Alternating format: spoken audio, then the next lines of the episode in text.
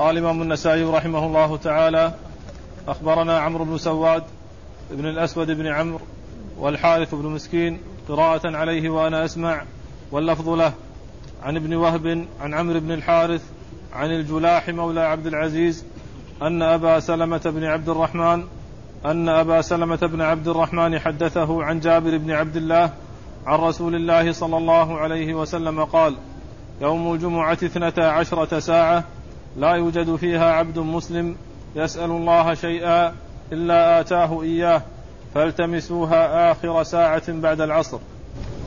بسم الله الرحمن الرحيم. الحمد لله رب العالمين وصلى الله وسلم وبارك على عبده ورسوله نبينا محمد وعلى آله وأصحابه أجمعين. أما بعد فيقول النسائي رحمه الله في الترجمة التي تحتها هذا الحديث والحديث الذي قبله وقت الجمعة. قد مر حديث أبي هريرة الذي فيه ذكر الساعات. من راح في الساعة الأولى فكأنما قرب بدنه من راح في الساعة الثانية فكأنما قرب بقرة من راح في الساعة الثالثة فكأنما قرب كبشا ومن راح في الساعة الرابعة فكأنما قرب دجاجة ومن راح في الساعة الخامسة فكأنما قرب بيضة. و وذكر الساعات فيه إشارة إلى الوقت. وفيه إشارة إلى الوقت وأنه يكون عند منتصف النهار إما بعد الزوال وإما قبل الزوال. وقد اختلف العلماء في وقت صلاة الجمعة فمنهم من قال إنه لا يكون إلا بعد الزوال الخطبة والصلاة. ومنهم من قال إنه يكون قبل الزوال وبعده فيجوز أن تكون الخطبة والصلاة قبل قبل الزوال. وقول ثالث قال إن الخطبة تكون قبل الزوال والصلاة تكون بعد الزوال والصلاة تكون بعد الزوال. وقد جاء فيه بعض الأحاديث والآثار الدالة على جواز ذلك قبل الزوال.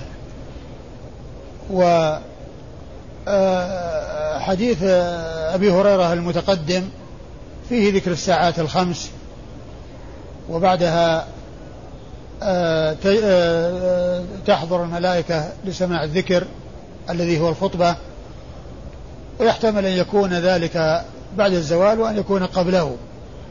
والحديث الثاني الذي معنا هو حديث جابر بن عبد الله يقول فيه النبي عليه الصلاة والسلام الجمعة اثنتا عشرة ساعة.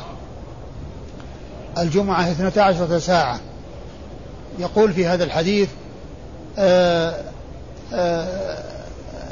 اثنتا عشرة ساعة. نعم ليس فيها. لا يوجد فيها عبد مسلم. لا يوجد فيها عبد مسلم يسأل الله شيئا إلا أعطاه فالتمسوها في آخر ساعة بعد العصر. واللفظ كما يظهر يعني ليس يعني آه، مستقيم من حيث أنه آه، فيه سقط. وقد جاء في السنن الكبرى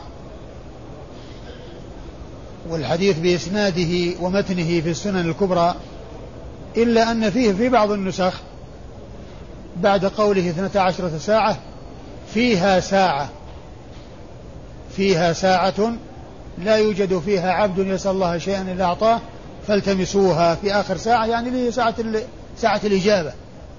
فيكون الضمير فالتمسوها إلى هذا الذي هو محذوف والذي جاء في بعض الروايات. لأن الحديث بهذا اللفظ مرجع الضمير ليس واضح الذي هو فالتمسوها. الجمعة اثنتا عشرة ساعة.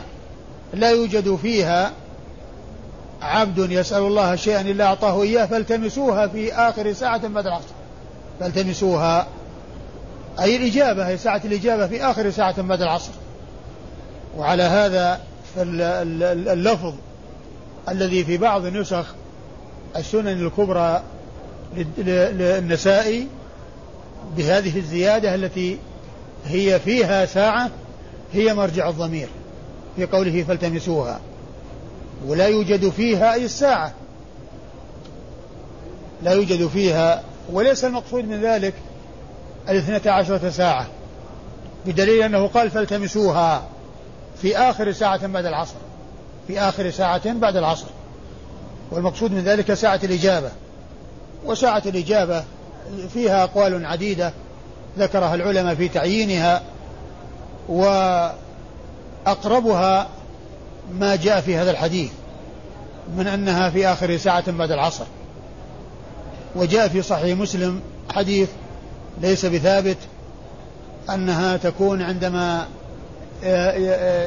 يصعد الإمام للخطبة. ولكن الحديث يعني غير ثابت والذي وأقرب شيء وأرجى شيء لهذه الساعة هو هذا الوقت الذي جاء ذكره في هذا الحديث الثابت عن رسول الله صلى الله عليه وسلم وأن أرجى ساعة لساعة الإجابة يعني يطلبها الإنسان في ذلك الوقت هو آخر ساعة بعد العصر. وإسناد الحديث يقول النسائي أخبرنا عمرو بن سواد ابن عمرو بن الأسود. عمرو بن سواد بن الأسود؟ ابن؟ ابن عمر؟ عمرو بن سواد بن الأسود بن عمر. وهو ثقة أخرج حديثه أبو داود والنسائي وابن ماجه. أبو داود والنسائي وابن ماجه. قال والحارث بن مسكين. ها؟ مسلم نعم. نعم مسلم وأبو داود والنسائي.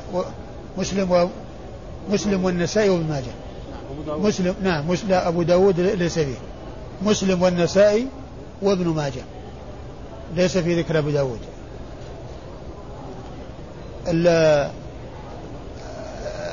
لأن المزي في في تهذيب الكمال ذكر الثلاثة الذين مسلم والنسائي وابن ماجه.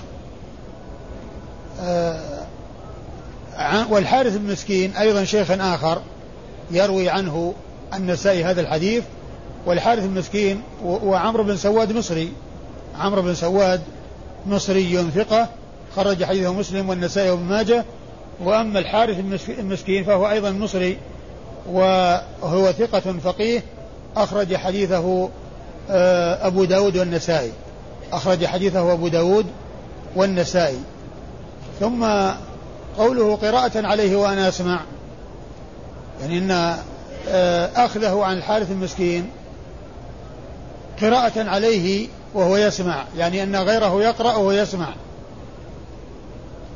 وكثيرا ما يذكر النسائي عن الحارث المسكين هذه العبارة وأنه كان يأخذ عنه سماعا يعني قراءة عليه وهو يسمع يسمع قراءة القارئ عليه وهذا الذي يسمونه العرض وهو أن التلميذ يعرض مسموع الشيخ على الشيخ فيقره على ذلك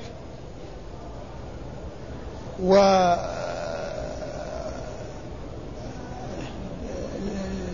يقرأ عليه أصله أو أو فرعا مقابلا عليه فهذا يسمى العرض. وإذا سمع وإذا وإذا أدى فيقول قراءة عليه. أو يقول أخبرني قراءة عليه أو أنبأني قراءة عليه أو حدثني قراءة عليه. لكن الغالب أن يقول قرئ عليه وأنا أسمع أو أخبرنا قراءة عليه وأنا أسمع يعني كما هنا لأنه قد أخبرنا ثم عطف. لكن آه كثيرا ما يأتي أنه قرئ عليه وأنا أسمع أو قرأ عليه وأنا أسمع أو قراءة عليه وأنا أسمع وهكذا وهذا يسمى العرض وهي الدرجة الثانية من درجات التحمل وأعلى منها السماع. وهو كان الشيخ يعني يملي أو يحدث من بحديثه بلفظه والتلاميذ يسمعون فيكتبون من إملائه أو من قراءته عليهم وهم يسمعون ويليها درجة العرض التي يعبر عنها بحدثنا وأخبرنا وغالبا ما يحدث عنها بأخبرنا أو يعبر عنها بأخبرنا بدون قراءة عليه بدون قراءة عليه. يعني فيما يتعلق بالقراءة الشيخ يقول قراءة يقول أخبرنا ويكفي في هذا. يقول أخبرنا. وأيضا يقال أخبرنا قراءة عليه. أو قرئ عليه وأنا أسمع. أو قرأت على فلان. قرأت على فلان. وهكذا. ثم قال واللفظ له أي للحارث المسكين يعني هذا اللفظ الموجود لشيخه الثاني الحارث المسكين وليس لشيخه الأول الذي هو عمرو بن سواد. وليس لشيخه الأول الذي هو عمرو بن سواد. أيوة عن عن ابن وهب. عن ابن وهب وهو عبد الله بن وهب المصري ثقة فقيه أخرج حديثه أصحاب الكتب الستة. عن عمرو بن الحارث. عن عمرو بن الحارث المصري أيضا وهو ثقة فقيه حافظ خرج حديثه أصحاب الكتب الستة. عن عن الجلاح. عن ال عن الجلاح وهو أيضا آه، مصري وهو مولى بني أمية مولى الأمويين وهنا قال مولى عبد العزيز وهو من بني أمية وحديثه أخرجه من؟ مسلم وأبو داود والترمذي والنسائي. مسلم وأبو داود والترمذي والنسائي. مسلم وأبو داود والترمذي والنسائي وهو ثقة أخرج حديثه مسلم وأبو داود. مسلم؟ وهو صدوق. وهو صدوق أخرج حديثه مسلم وأبو داود والترمذي. والنسائي. مسلم وأبو داود والترمذي والنسائي. ابن ماجه؟ لا. مسلم وأبو داود والترمذي والنسائي. أيوه. أن أبا سلمة بن عبد الرحمن حدثه. أن أبا سلمة بن عبد الرحمن حدثه. وأبو سلمة بن عبد الرحمن هو بن عوف. وهو تابعي ثقة.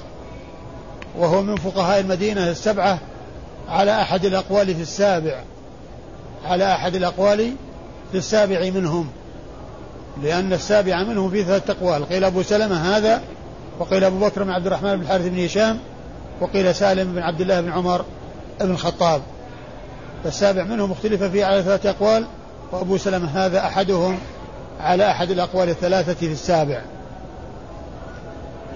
عن جابر بن عبد الله الأنصاري صحابي ابن صحابي ابن صحابي وهو من المكثرين من رواية حديث رسول الله عليه الصلاة والسلام وهو أحد السبعة الذين عرفوا بكثرة الحديث عنه صلى الله عليه وسلم وهم أبو هريرة وابن عمر وابن عباس وجابر وأنس وأبو سعيد الخدري وأم المؤمنين عائشة رضي الله تعالى عن الجميع نعم.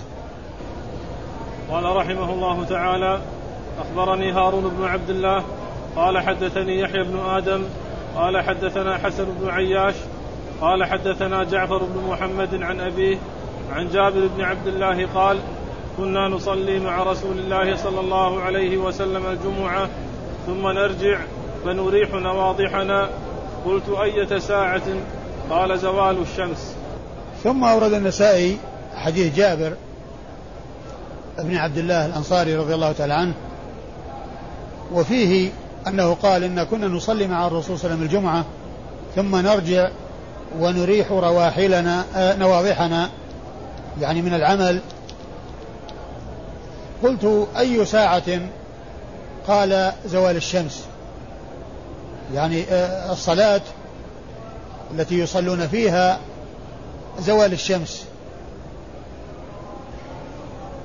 فهذا فيه بيان وقت الجمعة وأنها تكون في ذلك الوقت.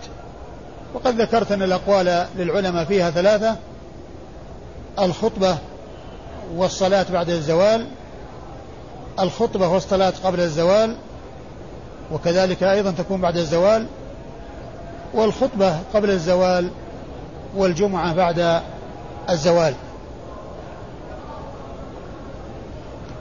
كنا نصلي مع رسول الله عليه الصلاة والسلام الجمعة ثم نرجع فنريح نواضحنا. النواضح هي الإبل التي يسقون عليها يعني يخرجون الماء من الآبار بواسطتها يقال لها يقال لها نواضح. والإسناد يقول نسائي أخبرنا؟ هارون بن عبد الله. هارون بن عبد الله البغدادي الحمال. وهو ثقة أخرج حديثه مسلم وأصحاب السنن الأربعة. مسلم وأصحاب السنن الأربعة. عن يحيى بن آدم. عن يحيى بن آدم الكوفي وهو ثقة حافظ أخرج حديثه أصحاب الكتب الستة. وهو مصنف ومن مصنفاته كتاب الخراج وهو مطبوع. نعم. حسن بن عياش. قال حدثنا الحسن بن عياش. وهو صدوق. هو صدوق. أخرج له من؟ مسلم والترمذي والنسائي. وهو صدوق أخرج له مسلم والترمذي والنسائي. الحسن بن عياش أخرج له مسلم والنسائي والترمذي والنسائي. حدثنا جعفر بن محمد. حدثنا جعفر بن محمد وهو بن علي بن الحسين بن علي بن أبي طالب. إمام من أئمة أهل السنة وهو من أئمة أهل البيت. وأهل السنة يعرفون لأهل البيت منازلهم وينزلونهم المنازل التي يستحقونها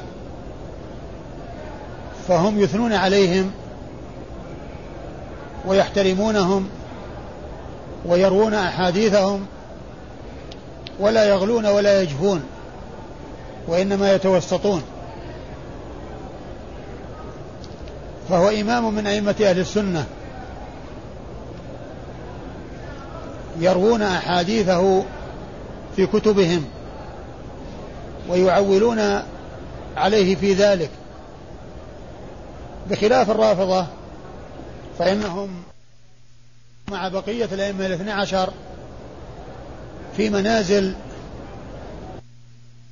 يقونها ويصفونهم بأوصاف لا يجوز من مثل قولهم كما هو موجود في كتاب الكافي وهو من أشهر كتبهم وأصح كتبهم يذكرون أحاديث ينسبونها إلى بعض أئمة أهل البيت وهي كذب وزور عليهم وهم براء منها وإنما هي كذب عليهم. ومنها أن في أحاديثهم أن الأئمة يعلمون ما كان وما سيكون وأنهم يعلمون متى يموتون وأنهم لا يموتون إلا باختيارهم. ومنها أنه ليس شيء من الحق إلا ما كان من عند الأئمة وأن كل شيء لم يخرج من عندهم فهو باطل. ومنها أن الأئمة عندهم الكتب المنزلة على المرسلين كلهم وأنهم يعرفونها بلغاتها. ومنها الحديث الذي في الكافي الذي ينسب إلى آه، أحد الأئمة الاثني عشر ولعله الحسين رضي الله تعالى عنه أنه قال الناس ثلاثة عالم ومتعلم وغثاء فنحن العالمون وشيعتنا المتعلمون وسائر الناس غثاء. فهذا من أحاديث الكافي. الذي يعادل صحيح البخاري عند أهل السنة. الحاصل أن جعفر بن محمد ابن علي بن حسين ابن علي بن أبي طالب إمام من أئمة أهل السنة وهو من أئمة أهل البيت يعرفون قدر أصحاب أهل بيت رسول الله عليه الصلاة والسلام ويرعون فيهم وصية رسول الله عليه الصلاة والسلام في أهل بيته ولا يجفون ولا يغلون. وإنما يتوسطون وخير الأمور الوسط والحق وسط بين الإفراط والتفريط فليسوا مفرطين ولا مفرطين ولا جافين ولا غالين وإنما هم متوسطون معتدلون على الجادة ينزلون كل منزلته التي يستحقونها ومن كان من أئمة أهل البيت ومن أهل الإيمان منهم والعلم والصلاح فإنهم يحبونه لتقواه وإيمانه بالله ويحبونه لقربه من رسول الله عليه الصلاة والسلام. ويحبونه لإيمانه وتقواه ولكونه من أهل بيت رسول الله عليه الصلاة والسلام. وجعفر بن محمد صدوق فقيه. أخرج حديثه البخاري في الأدب المفرد ومسلم وأصحاب السنن الأربعة. ومسلم وأصحاب السنن الأربعة. وبعض الرافضة يعيبون على البخاري كثيرا كونه ما أخرج له في الصحيح. ويذمونه لذلك وهم يذمون جميع أهل السنة لكن كونه ما خرج له في الصحيح يذمونه لذلك. وأذكر في بيت من الأبيات أنشدها بعض الرافضة يمدح فيها جعفر رحمة الله عليه ويذم البخاري ويقول فيها غلامة من ظفر إبهامه تعدل من مثل البخاري مئة. يعني غلامة من ظفر إبهام جعفر الصادق تعدل مئة من مثل البخاري.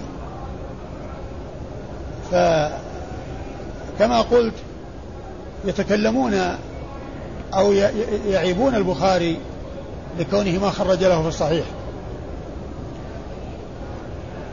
وأما أبوه محمد ابن علي الملقب الباقر فهو إمام من أئمة أهل السنة وهو إمام من أئمة أهل البيت ويحب لإيمانه وتقواه ولقربه من رسول الله عليه الصلاة والسلام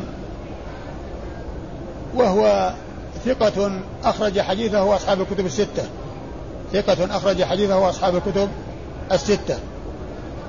يروي عن جابر ابن عبد الله الأنصاري صاحب رسول الله صلى الله عليه وسلم.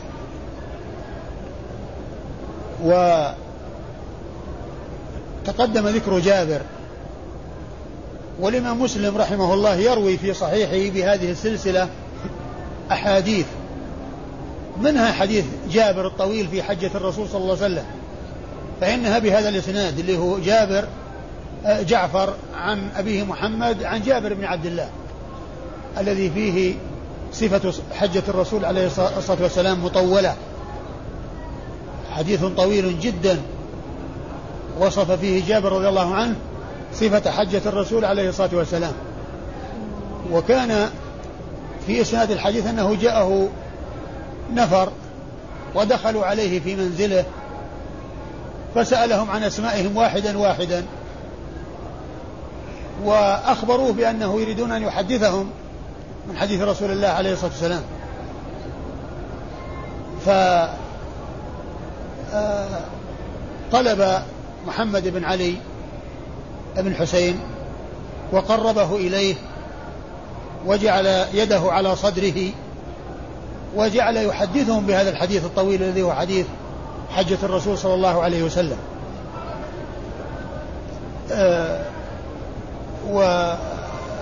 وجابر رضي الله عنه كما ذكرت هو أحد السبعة المكثرين من حديث رسول الله صلى الله عليه وسلم والذين هم أكثر من غيرهم رواية للحديث عنه صلى الله عليه وسلم. وقال رحمه الله تعالى أخبرنا شعيب بن يوسف قال حدثنا عبد الرحمن عن يعلى بن الحارث قال سمعت إياس بن سلمة بن الأكوع يحدث عن أبيه قال كنا نصلي مع رسول الله صلى الله عليه وسلم الجمعة ثم نرجع وليس للحيطان فيء يستظل به. ثم أورد النسائي حديث سلمة بن الأكوع رضي الله عنه أنه قال كنا نصلي مع الرسول صلى الله عليه وسلم الجمعة ثم نرجع وليس للحيطان ظل يستظل به. ليس للحيطان الجدران ظل يستظل به. وهذا يدل على التبكير بالجمعة وبصلاة الجمعة. يرجعون من الصلاة وقد فرغ منها وليس للحيطان ظل يستظل به. و العلماء اختلفوا في النفي في هذا الحديث. فمنهم من قال إنه يرجع إلى القيد والمقيد. وعلى هذا قالوا إن الصلاة أو هذا يستدل به على أن الصلاة والخطبة كلها تكون قبل الزوال. إذا كان القيد إذا كان النفي يرجع للقيد والمقيد الذي هو أصل الظل. الذي هو أصل الظل. يعني ما هناك ظل أصلا. ومنهم من قال إن, القي... إن النفي يرجع للقيد دون المقيد. يعني معناه فيه ظل ولكنه لا يصل إلى أن يستظل به. هناك ظل ولكنه لا يصل في مقداره إلى أن يستظل به بأن يمشي أحد فيه في ظلاله. وعلى هذا يعني يكون معناه أن أن أن بعض أن بعض أن الخطبة أنها قبل الزوال أنها تكون قبل الزوال. على هذا لأنه إذا كان ليس هناك ظل يستظل به وهم قد رجعوا معناه أنه أنه يعني هناك شيء من أعمال الصلاة التي هي الخطبة أنها موجودة قبل الزوال. ويحتمل أن يكون يعني بعد الزوال لكن آه الأقرب أن يكون يعني شيء من ذلك قبل الزوال. لأنه إذا الخطبة ثم أتي بالصلاة ثم يوجد ظل ولكنه لا يستظل به يعني معناه أنه قليل جدا لا يصل إلى أن الإنسان يمشي تحته فيستفيد منه. وال هذا حديث سلمة بن الأكوع رضي الله عنه. وإسناد الحديث يقول النسائي أخبرنا شعيب بن يوسف وهو النسائي. ثقة أخرج حديثه النسائي وحده. وهو من بلد النسائي. أخبرنا؟ عبد الرحمن. عبد الرحمن وهو بن مهدي البصري. وهو ثقة ثبت عارف بالرجال والعلل وهو من المتكلمين في الرجال جرحا وتعديلا. وحديثه أخرجه أصحاب الكتب الستة. عن يعلى بن الحارث نعم. إيش قال عنه؟ ثقة. أخرج له الجماعة إلا الترمذي. أخرج له؟ الستة إلا الترمذي. يعلى بن الحارث نعم. هكذا هكذا؟ نعم. ها؟ تهذيب الكمال؟ آه يعلى بن الحارث آه ثقة أخرج له أصحاب الكتب الستة إلا الترمذي. قال سمعت إياس بن سلمة. سمعت إياس بن سلمة بن الأكوع وهو ثقة أخرج حديثه أصحاب الكتب الستة. عن سلمة بن الأكوع سلمة بن ابن عمرو بن الأكوع صاحب رسول الله عليه الصلاة والسلام وحديثه عند أصحاب الكتب الستة. وقال رحمه الله تعالى باب الأذان للجمعة. قال أخبرنا محمد بن سلمة قال حدثنا ابن وهب عن يونس عن ابن شهاب قال أخبرني السائب بن يزيد أن الأذان كان أول حين يجلس الإمام على المنبر يوم الجمعة في عهد رسول الله صلى الله عليه وسلم وأبي بكر وعمر فلما كان في خلافة عثمان وكثر الناس أمر عثمان يوم الجمعة بالأذان الثالث فأذن به على الزوراء فثبت الأمر على ذلك. ثم ورد النسائي هذه الترجمة هي الأذان للجمعة. أورد في حديث أورد في النسائي حديث السائب بن يزيد رضي الله تعالى عنه. أنه قال أن الأذان كان أول يعني في آه في زمن رسول الله عليه الصلاة والسلام وأبي بكر وعمر أنه إذا جلس على منبر حصل الأذان الأول. يعني معناه في أذانان هو الأذان الأذان والإقامة. لأن الإقامة يقال لها أذان. فالأذان الأول بالنسبة للإقامة هو هذا الذي يكون عند صعود الإمام على المنبر وجلوس وجلوسه عليه يؤذن المؤذن وإذا فرغ من الأذان بدأ بالخطبة. فكان الأمر في عهد رسول الله عليه الصلاة والسلام وعهد أبي بكر وعمر أن الأذان الأول يكون عند ما يكون النبي صلى الله عليه وسلم وخلفائه على المنبر. والأذان الثاني هو الإقامة. والإقامة يقال لها أذان. وقد سبق أن مر مر بنا ذكر الحديث بين كل أذانين صلاة. أي الأذان والإقامة. المراد بالأذانين الأذان والإقامة. وكذلك حديث الصحابي الذي قال تسحرنا مع رسول الله صلى الله عليه وسلم ثم قمنا إلى الصلاة. قال كم؟ قال قلت كم كان بين الأذان والسحور؟ قال قدر خمسين آية. المراد بالأذان الإقامة يعني السحور الذي هو الإمساك الذي يكون عند الأذان الثاني لأنهم يتوقفون عند الأذان الثاني عن الأكل عن الأذان الثاني بالنسبة للأول اللي يكون قبل طلوع الفجر. فبين فهو انتهاء السحور يكون عند الأذان. الأول بالنسبة للإقامة والثاني بالنسبة للأذان الأول الذي يكون في الليل. قال قال قلت كم كان بين الأذان والسحور؟ معلوم أن الأذان المقصود به الإقامة هنا. لأن المسافة بين الأذان بين الإقامة وبين الأذان قدر قراءة خمسين آية. قدر قراءة خمسين آية. فالإقامة يقال لها أذان كما جاء في هذه الأحاديث. وهنا أيضا أطلق عليها أذان لأنه قال الأذان الأول والأذان الثاني هو الإقامة. ثم الأذان الثالث الذي أتى به عثمان والذي يكون قبل ذلك بوقت. حتى يتهيأ الناس للجمعة. ولهذا قال الأذان الثالث. الأذان الثالث.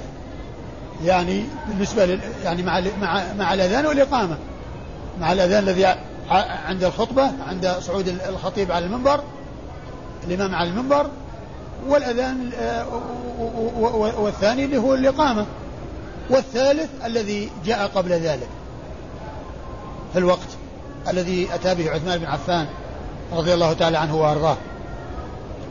وعثمان رضي الله تعالى عنه وأرضاه أتى بهذا الأذان لما كثر الناس. وكان هذا على الزوراء وهي دار في السوق. يعني حتى يتهيأ الناس للجمعة ويغلقوا حوانيتهم ليستعدوا للجمعة ويتهيأوا. لأنهم لو بقوا على هذا الوضع واستمروا إلى الأذان الثاني تفوتهم الخطبة. لكن عثمان رضي الله عنه وأرضاه أتى بهذا الأذان وفيه هذه الفائدة وثبت الأمر على ذلك وثبت الأمر على ذلك.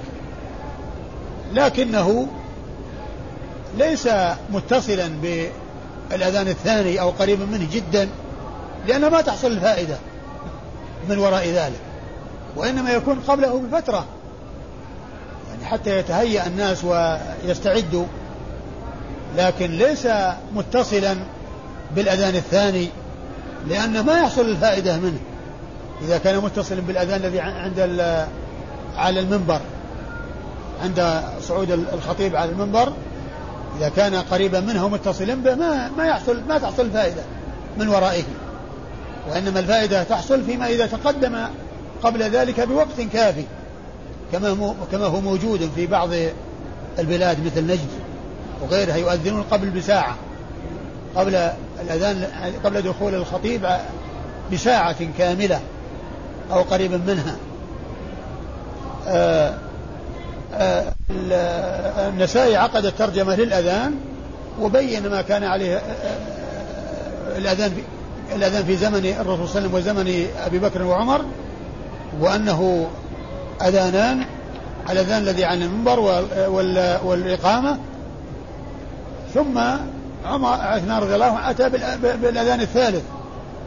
ولعل من الأسباب التي جعلت عثمان بن عفان رضي الله عنه يعني يأتي بهذا الأذان.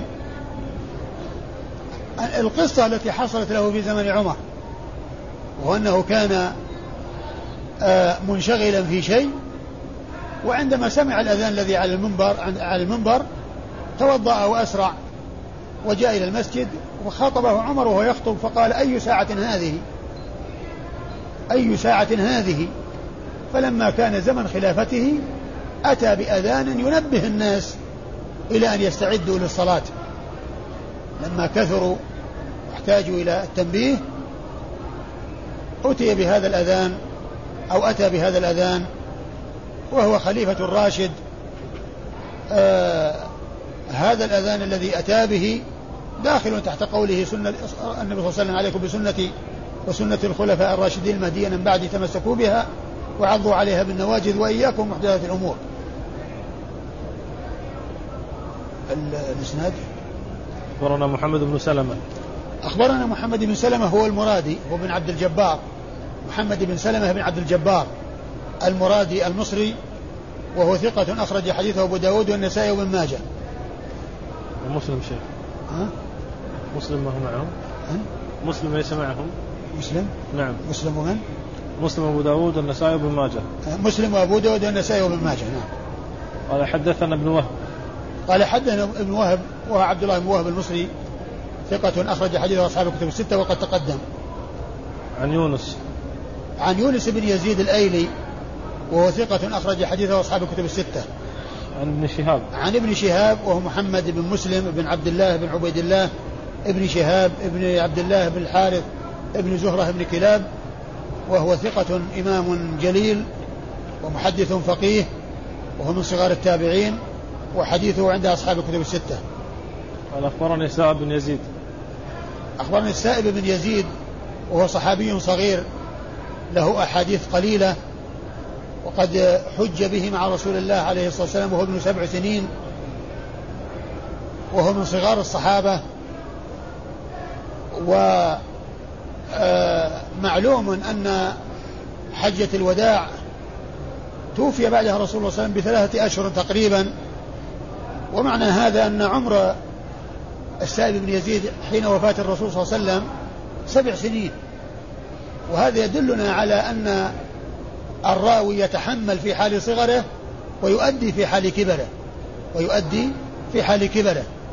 لأن هذا يقول يخبر عن ال عن ال عن ال الذي كان في زمن رسول, رسول الله صلى الله عليه وسلم. ولكن هذا يحتمل يحتمل أن يكون من مراسيل الصحابة. لكن آه، جاء عن بعض الصحابة وهو في مثل سنه التصريح بالسماع مثل النعمان بن بشير فإن فإن النبي صلى الله عليه وسلم توفي وعمره ثمان سنوات. وقد جاء حديث يقول سمعت رسول الله صلى الله عليه وسلم يقول كذا ومنها حديث الحلال بين والحرام بين حديث مشهور. يقول نعمان بشير سمعت رسول الله صلى الله عليه وسلم يقول كذا. فتحمل في حال صغره وأدى في حال كبره. والتحمل في حال الصغر والأداء في حال الكبر سائغ. وكذلك التحمل في حال الكفر والأداء في حال الإسلام أيضا سائغ. كون الإنسان في حال كفره يتحمل ويؤدي في حال إسلامه بعد إسلامه. فالتحمل في حال الكفر وفي حال الصغر والتأدية بعد الإسلام وبعد زوال آه، انتهاء سن الصغر وكونه كان كبيرا ذلك سائغ وهو معروف ومشهور عند المحدثين. السائب بن يزيد رضي الله تعالى عنه عمره سبع سنوات عند وفاة الرسول صلى الله عليه وسلم تقريبا وقد حج به وعمره سبع سنوات وحديثه أخرجه أصحاب الكتب الستة. وقال أخبرنا محمد بن يحيى بن عبد الله. قال حدثنا يعقوب قال حدثنا أبي عن صالح عن ابن شهاب أن السائب بن يزيد أخبره قال إنما أمر بالتأذين الثالث عثمان حين كثر أهل المدينة ولم يكن لرسول الله صلى الله عليه وسلم غير مؤذن واحد وكان التأذين يوم الجمعة حين يجلس الإمام. ثم ورد النسائي حديث النسائي بن يزيد من طريق أخرى وهو بمعنى الذي قبله. قوله ليس فيه إلا مؤذن واحد لا ينفي أن يكون له مؤذن آخر كما هو معلوم وإنما المقصود غالبا. يعني مؤذن واحد يعني آه هو بلال يعني غالبا. وليس معنى ذلك أنه ليس هناك يعني من يؤذن في بعض الأحيان غيره.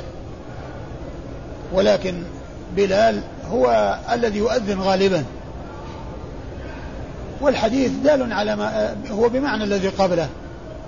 من جهة أن الأذان كان في عهد الرسول صلى الله عليه وسلم وأبي بكر وعمر عندما يرقى على المنبر يرقى الإمام على المنبر وأن التأذين الثالث أتى به عثمان لما كثر أهل المدينة. محمد بن يحيى بن عبد الله. أخبرنا محمد بن يحيى بن عبد الله وهو الذهلي النيسابوري وهو ثقة حافظ أخرج حديثه البخاري وأصحاب السنة الأربعة. قال حدثنا يعقوب. قال حدثنا يعقوب وهو ابن إبراهيم ابن سعد بن إبراهيم بن عبد الرحمن بن عوف.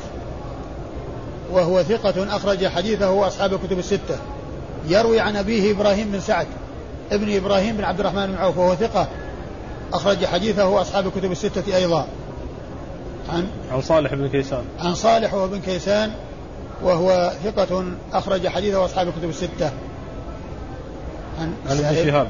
عن ابن شهاب عن السائب بن يزيد وقد مر ذكرهما. وقال رحمه الله تعالى أخبرنا محمد بن عبد الأعلى قال حدثنا المعتمر عن أبيه عن الزهري عن السائب بن يزيد قال كان بلال يؤذن إذا جلس رسول الله صلى الله عليه وسلم على المنبر يوم الجمعة فإذا نزل أقام. ثم كان كذلك في زمن أبي بكر وعمر رضي الله عنهما. ثم ورد النسائي حديث السائب بن يزيد وهو بمعنى الذي قبله أن أنه ليس فيه زيادة الأذان الثالث ليس فيه ذكر الأذان الثالث وإنما فيه ذكر ال ال الأذان إذا كان على المنبر ثم إذا انتهت الخطبة أقام فهذان أذانان وكان الأمر على ذلك في زمن أبي بكر وعمر رضي الله تعالى عنهما. والروايتان السابقتان فيهما أن عثمان زاد الأذان الثالث. انتهى؟ نعم. بعد الباب؟ بعد الباب. والله تعالى أعلم. الأسناد؟ محمد بن عبد الأعلى. نعم. والاسناد محمد بن عبد محمد بن عبد الاعلى وهو البصري وهو ثقة أخرج حديثه مسلم وأبو داود في كتاب القدر والترمذي والنسائي وابن ماجه. قال حدثنا المعتمر عن حدثنا المعتمر وهو بن سليمان ابن طرخان التيمي وهو ثقة حديثه عند أصحاب الكتب الستة. يروي عن أبيه سليمان بن طرخان التيمي وهو ثقة أخرج حديثه أصحاب الكتب الستة. ويقال إنه ليس تيميا. نزل فيهم فنسب إليهم. وحديثه عند أصحاب الكتب الستة. عن ابن شهاب. عن الزهري عن السائب. عن ابن شهاب عن السائب. عن عن السائب وقد مر ذكرهما. والله تعالى أعلم. وصلى الله وسلم وبارك على عبده ورسوله نبينا محمد وعلى آله وأصحابه أجمعين.